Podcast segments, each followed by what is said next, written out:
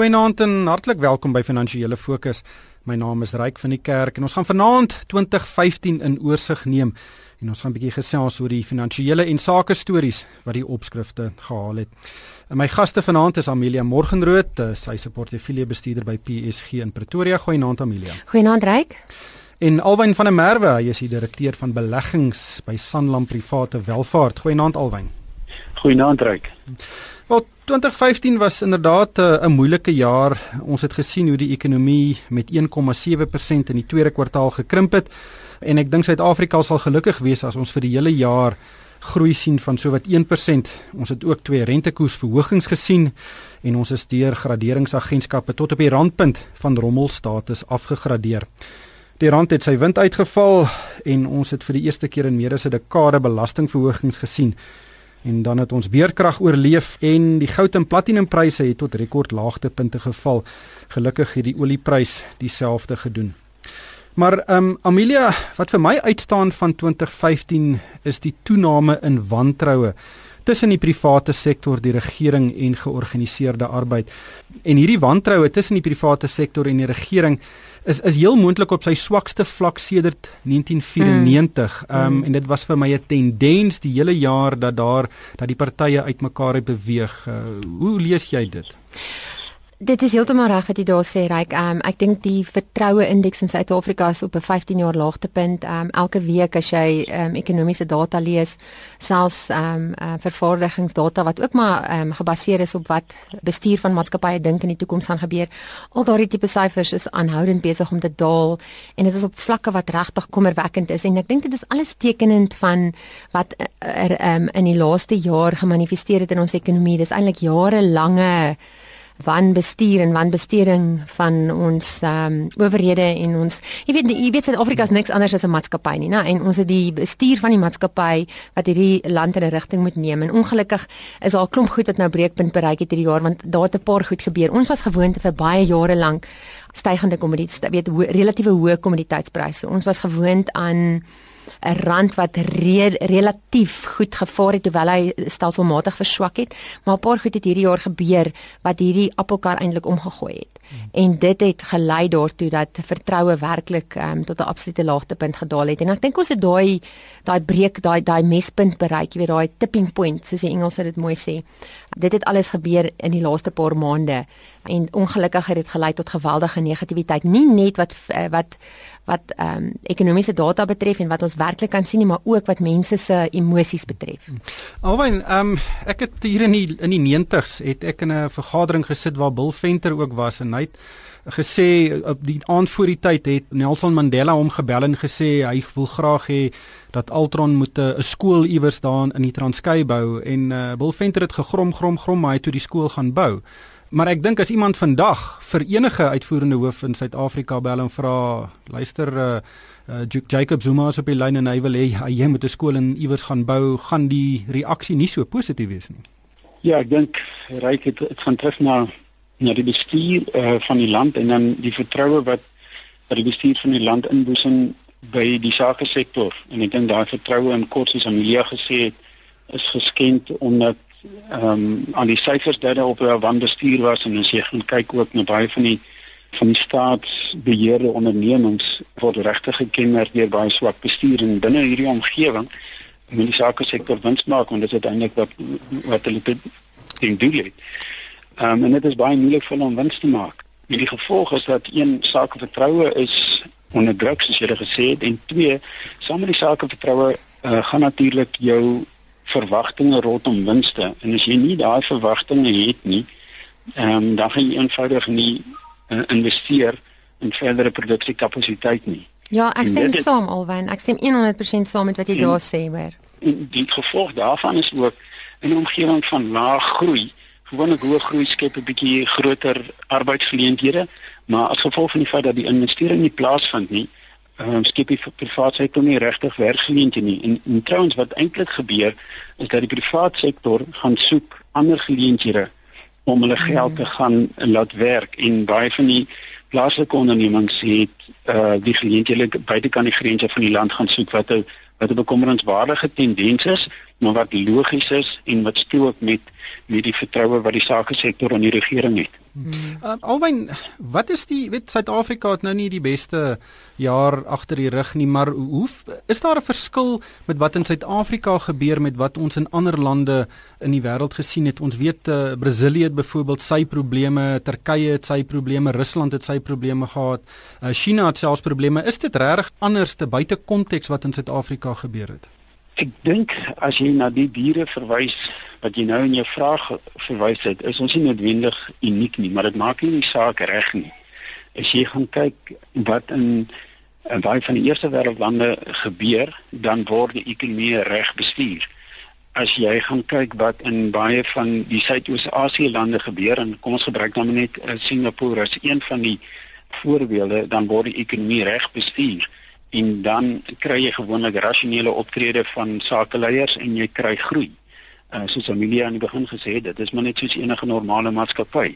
So ons is nie uniek nie om jou vraag te antwoord uh, ryk, maar dit maak nie dit maak die saak nie reg nie en jy sal ook sien dat geval in die geval van Brasilië die wêreld se beleggers is meer doen as hoe jy straf as jy as een van die meisehonde uitgekry word en um, ons het dit gesien in die manier hoe ons geldeenheid gereageer het jy sê dit het wind uitgeval en dit is maar net simptomaties van die sentiment wat buitelandse beleggers uh getoon het in terme van wanbestuur van die ekonomie.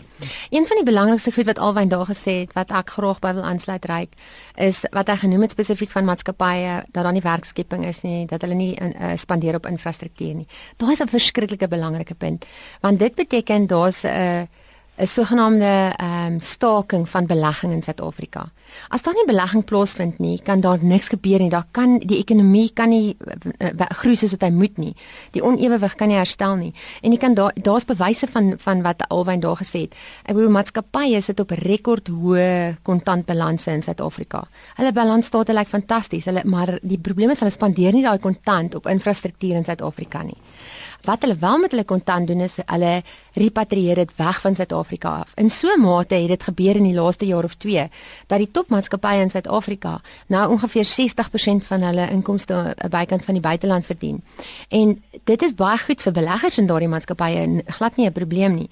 Maar die probleem is dat daar plaaslik dan nie belegging plaasvind nie. So ons kan nie staat maak op buitelanders om hier geld te spandeer nie. Maar ons kan nie net wag vir Unilever om 'n fabriek te kom opsit wat gemekaniseerd is nie. Nee, ons moet werklik ook self hier in Suid-Afrika spandeer. Mens sien ook baie goeie winssyfers by daai maatskappye, hmm. maar onthou net dit is uh, ons praat hier van 20 maatskappye in Suid-Afrika waar daar 'n hele paar honderd duisend maatskappye is en dit gaan nie baie goed met daai maatskappye ook nie. En en en ek glo nog steeds dat die grootste sosiale risiko vir Suid-Afrika is uh, die 50% werkloosheid onder jong mense en dit moet aangespreek word. En en dis juist die een van die van die sleutelpunte is dat uh, ons ekonomie is gebou op mynbou en die mynboubedryf is in diep in die moeilikheid. Alwyn ons sien rekordlae goudpryse en veral platinumpryse en ek weet nie of Suid-Afrika se bedryf dit werklik kan oorleef indien pryse op hierdie vlakke bly aanstaande jaar nie. Hoe lees jy die, die, die hierdie scenario? Ja, as jy nou net spesifiek na die platinum myne verwys, op die oomblik is 50% van die produksiekapasiteit van Suid-Afrikaanse platinum myne is nie winsgewend nie. Met ander woorde, as die prys van platinum of nie gaan verbeter in randterm nie, so of die platinum prys in dollar term moet opgaan of die rand moet van hierdie klaar baie lae vlakke af verder verswak, dan as jy erns in die toekoms geforseer gaan word om 'n rasionele ekonomiese besluit te neem, dan moet jy eenvoudig uitproduksiekapasiteit toemaak wat tot verdere werkloosheid gaan lei. Uiteindelik ryk eh, wat dit wel gaan meebring is dat omdat ons meer as 80% van die wêreld se platinum um, myn, gaan dit beteken dat die platinumprys daarop sal moet reageer. Maar as ons soos in die geval wat ons nou sien met Londen byvoorbeeld waar die regeringspensioenfonds eintlik maar die regte volg om Londen uh verder aan die lewe te hou terwyl dit waarskynlik nie ekonomies sin maak nie kry ons nie noodwendig dat die produksiekapasiteit onmiddellik doodgemaak word nie. Uh en die rede daarvoor is is sosiaal meer as enigiets anders en jy kan dit tog ook verstaan. Mens ons kyk altyd dan goed vanuit 'n aandeelhouers oogpunt maar daar is ook 'n sosiale element wat 'n mens heeltemal kan ignoreer nie. Ek kan jou miskien net so 'n voorbeeldjie gee. Ek het hierdie jaar half van my tyd in Engeland spandeer en as 'n groot staalaanleg in die noorde van Engeland toegemaak waar 1200 werkers hulle werk verloor het en dit het ongelooflike opskrifte gehaal in die Britse pers dat 1200 mense afgedank kan word en ons praat sommer maklik van 6000 mense wat afgedank word in Suid-Afrika en dan knip ons nie oog nie.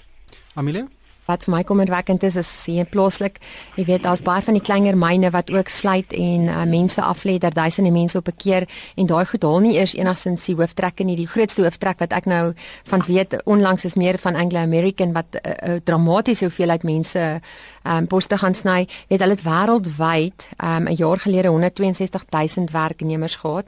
Hulle wil dit afbring teen 2018 na minder as 50 000 en 'n groot deel van hulle is Suid-Afrikaners. So dit is dramaties ryk. En wat vir my baie bekommer is wat die wat is die vooruitsigte van kommoditeitspryse om dit beter te maak. Een van die interessantste artikels wat ek gelees het die afgelope maand was 'n artikel wat Mike Schuessler geskryf het so middel Desember rond waarin hy spesifiek verwys met 'n mens gou nie altyd al hierdie syfers dop nie die Chicago kommoditeitsprysindeks wat um, sedert 1947 bygehou word en dit is 'n indeks wat al die produkte of die kommoditeite wat Amerikaners baie gebruik in ag neem. En dit is vir my skokkend geweest. Hierdie indeks is terug op vlakke van 1973. Ek wil dis amper ek kan dit amper nie glo nie. Ehm um, dit is 63% af van die hoogtepunt van 2008 en hierdie daling is steeds besig om voort te gaan. Jy weet, daar's nog geen teken dat dit 'n draaipunt bereik het nie. En in hierdie artikel skryf hy dat die hele wêreld dat daar te veel kommoditeite geproduseer is en dis maar tekenend van mense se vermoëns, né, om uh, om produkte en die dienste wat almal nodig het te produseer en dan heeltemal te veel daarvan te produseer. Mense is baie innoverend. So daar's hierdie totale onewewig reg oor die wêreld. Dis nie net in Suid-Afrika nie. En dit moet eers herstel. So dit is maar net 'n teken dat kommoditeitspryse het nog nie gedraai nie en dat die vooruitsigte vir myne maar nog baie beroerder reg lyk. Maar dit kan nog 'n hele paar jaar vat voor dit gebeur? Wel, dis moeilik om te sê, selfs al stabiliseer pryse net, sal dit goed wees. Want die oomblik as pryse stabiliseer, kan myne en maatskappye hulle self daarbey aanpas. Alwen as ons na maatskappye kyk, ehm um, hier af my een baie groot transaksie uitgestaan en ek dink dit is verseker die transaksie van die jaar en dit is 'n uh, eh, Anchauer Bush InBev wat uh, sy oorname aanbod vir uh, eh, SAB Miller ge gedoen het en uh, na 'n hele klomp uh, direksie gevegte het hulle uiteindelik ingestem en en die maats, nuwe maatskappy word nou vroeg in die nuwe jaar in Suid-Afrika genoteer. Ja, ek dit was my baie interessante transaksie want dit het uh, was vir my van begin af redelik voorhand liggend of geloop en dat die maatskappy wat die oorname wou doen regtig brandasem was om SAB Miller uh oor te neem. En ek dink weer eens jy moet hierdie ding in die in 'n wêreldkonteks sien ek dink baie van die groot maatskappye in in die wêreld is besig om hulle self reg te maak vir 'n nuwe era en dis 'n era waarin jy net weet dat die sogenaamde grag wat jy om jou maatskappy bou is eene waar jy jou markte domineer. En dit is eenvoudig na my mening die dryfveer van hierdie oorname. Ons het dit sien dit ook baie natuurlik in die uh, informasie tegnologie. Jy sien dit in ander verbruikersmaatskappye reg oor die wêreld wat wat maatskappye net eenvoudig hulle bemarkings kom ons sê maar die Engelse gebruik van woord footprint, bemarkingsfootprint vestig en dit en dit is dit sit absoluut agter hierdie transaksie. Ehm um, uiteraard is natuurlik eh uh, sekere sinergie of anderswoorde kostebesparings wat daardeur gaan eh uh, bykom, maar na my mening uh betaal hulle 'n bietjie van 'n premie om in hierdie posisie te kom.